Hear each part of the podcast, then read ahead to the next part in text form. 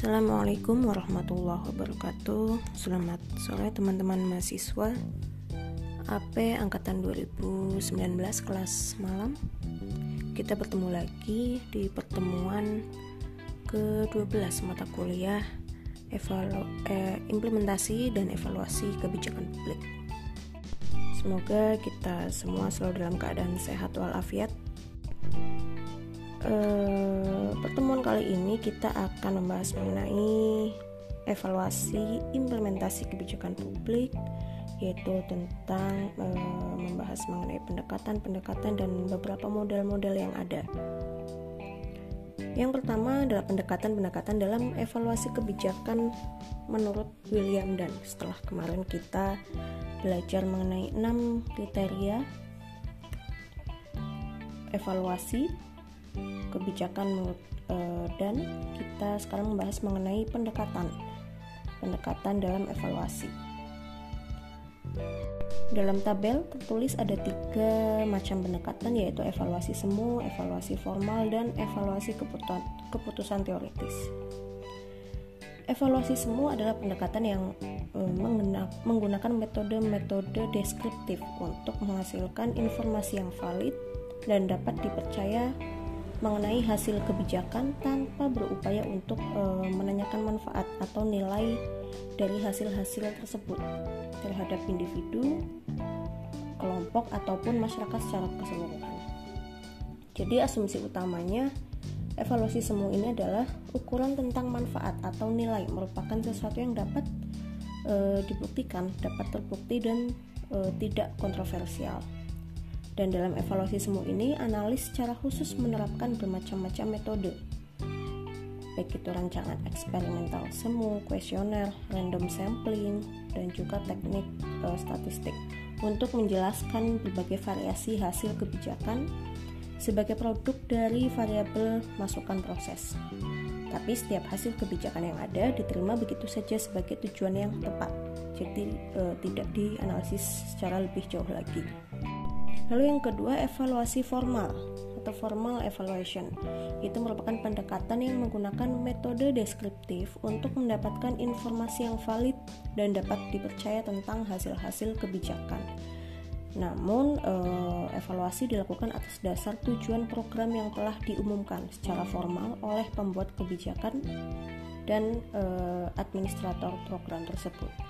Jadi asumsi utamanya adalah bahwa tujuan dan target itu diumumkan secara formal, merupakan ukuran yang tepat untuk manfaat atau nilai kebijakan program. Nah, sedangkan dalam evaluasi keputusan teoritis ini lebih menggunakan metode deskriptif untuk menghasilkan informasi yang terpercaya dan valid mengenai hasil kebijakan yang secara eksplisit diinginkan oleh berbagai pelaku kebijakan. Jadi tujuan dan sasarannya itu uh, diumumkan secara formal ataupun diam-diam merupakan uh, ukuran yang tepat dan menjadi manfaat atau nilai. Lalu sebagai pembanding uh, Lester dan Stewart juga mengkategorisasi evaluasi kebijakan menjadi empat tipe. Yang pertama ada evaluasi proses, yaitu evaluasi yang berkaitan dengan proses implementasi kebijakan. Lalu yang kedua evaluasi dampak, yaitu evaluasi yang berkaitan dengan hasil atau pengaruh dari implementasi kebijakan. Jadi kalau evaluasi proses itu lebih kepada proses selama proses implementasi kebijakannya. Kalau evaluasi dampak lebih fokus kepada hasil atau pengaruh dari implementasi kebijakan itu tuh apa Lalu kalau evaluasi kebijakan, evaluasi untuk menguji kesesuaian antara hasil kebijakan dengan tujuan yang ingin dicapai, tujuan awal yang memang ingin dicapai oleh kebijakan uh, yang dibuat tersebut. Lalu yang keempat ada meta evaluasi, yaitu evaluasi terhadap berbagai implementasi kebijakan yang ada untuk menemukan kesamaan-kesamaan tertentu. Selain itu ada pemilihan evaluasi yang disesuaikan dengan teknik evaluasinya. Ada empat juga, yang pertama adalah evaluasi komparatif, yaitu membandingkan implementasi kebijakan atau proses dan hasilnya di suatu tempat yang sama atau berlainan. Lalu yang kedua evaluasi historical, yaitu membuat evaluasi kebijakan didasarkan pada rentang sejarah munculnya kebijakan-kebijakan tersebut. Jadi dilihat di daerah tersebut kebijakan-kebijakan sebelumnya itu bagaimana, lalu dijadikan eh, dasar sebagai evaluasi historikal kebijakan terbaru. Lalu yang ketiga ada evaluasi laboratorium atau eksperimental, yaitu evaluasi namun menggunakan eksperimen yang telah diletakkan dalam sejenis laboratorium. Jadi sudah ada indikator-indikatornya.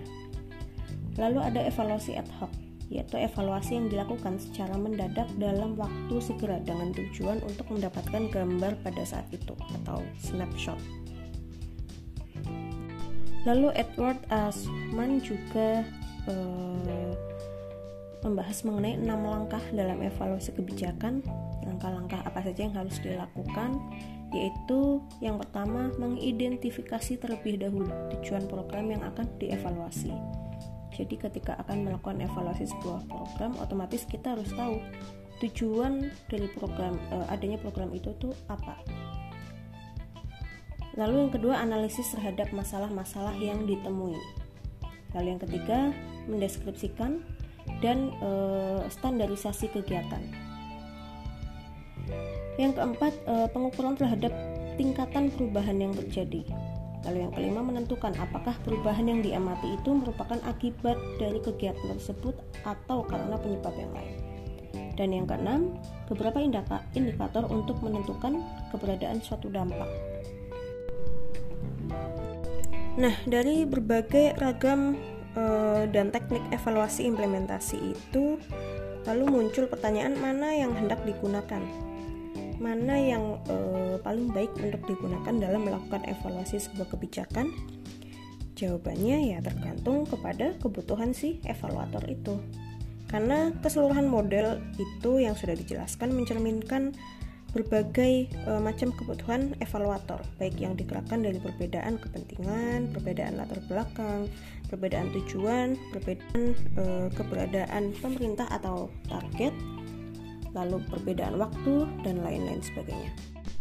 Namun memang ada beberapa e, hal yang dapat digunakan sebagai panduan pokok dalam menentukan si evaluator ini mau pakai model yang mana ini kebijakan ini evaluasinya itu paling cocok pakai model yang mana yang pertama eh, panduan pertama adalah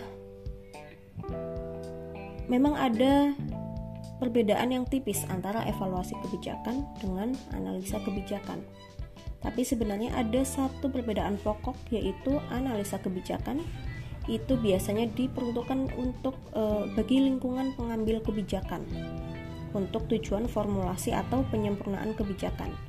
Sementara evaluasi itu dapat dilakukan oleh internal maupun eksternal pengambil kebijakan. Jadi kalau analisa kebijakan itu lebih spesifik lagi. Lalu panduan yang kedua, evaluasi yang baik harus mempunyai beberapa syarat pokok, yaitu pertama, tujuannya adalah untuk menemukan hal-hal yang strategis untuk meningkatkan kinerja kebijakan. Lalu yang kedua, yang bersangkutan harus mampu mengambil jarak dari pembuat kebijakan, pelaksana kebijakan, dan target kebijakan untuk menghindari bias. Lalu yang ketiga, prosedur evaluasi harus dapat dipertanggungjawabkan secara metodologi. Lalu panduan yang ketiga, evaluator haruslah individu atau lembaga yang punya karakter profesional, dalam arti menguasai kecakapan keilmuan, metodologi, dan juga beretika. Lalu yang keempat, evaluasi dilaksanakan tidak dalam suasana permusuhan atau kebencian.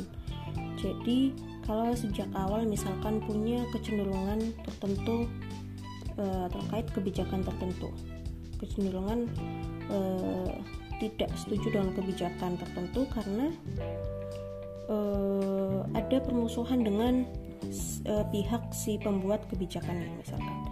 Kalau dari awal sudah begitu otomatis uh, dalam melakukan evaluasi juga pasti akan ada kecenderungan untuk menolak atau kecenderungan untuk melakukan evaluasi secara tidak objektif. Gitu ya mungkin itu saja yang dapat saya jelaskan untuk kuliah uh, sore hari ini.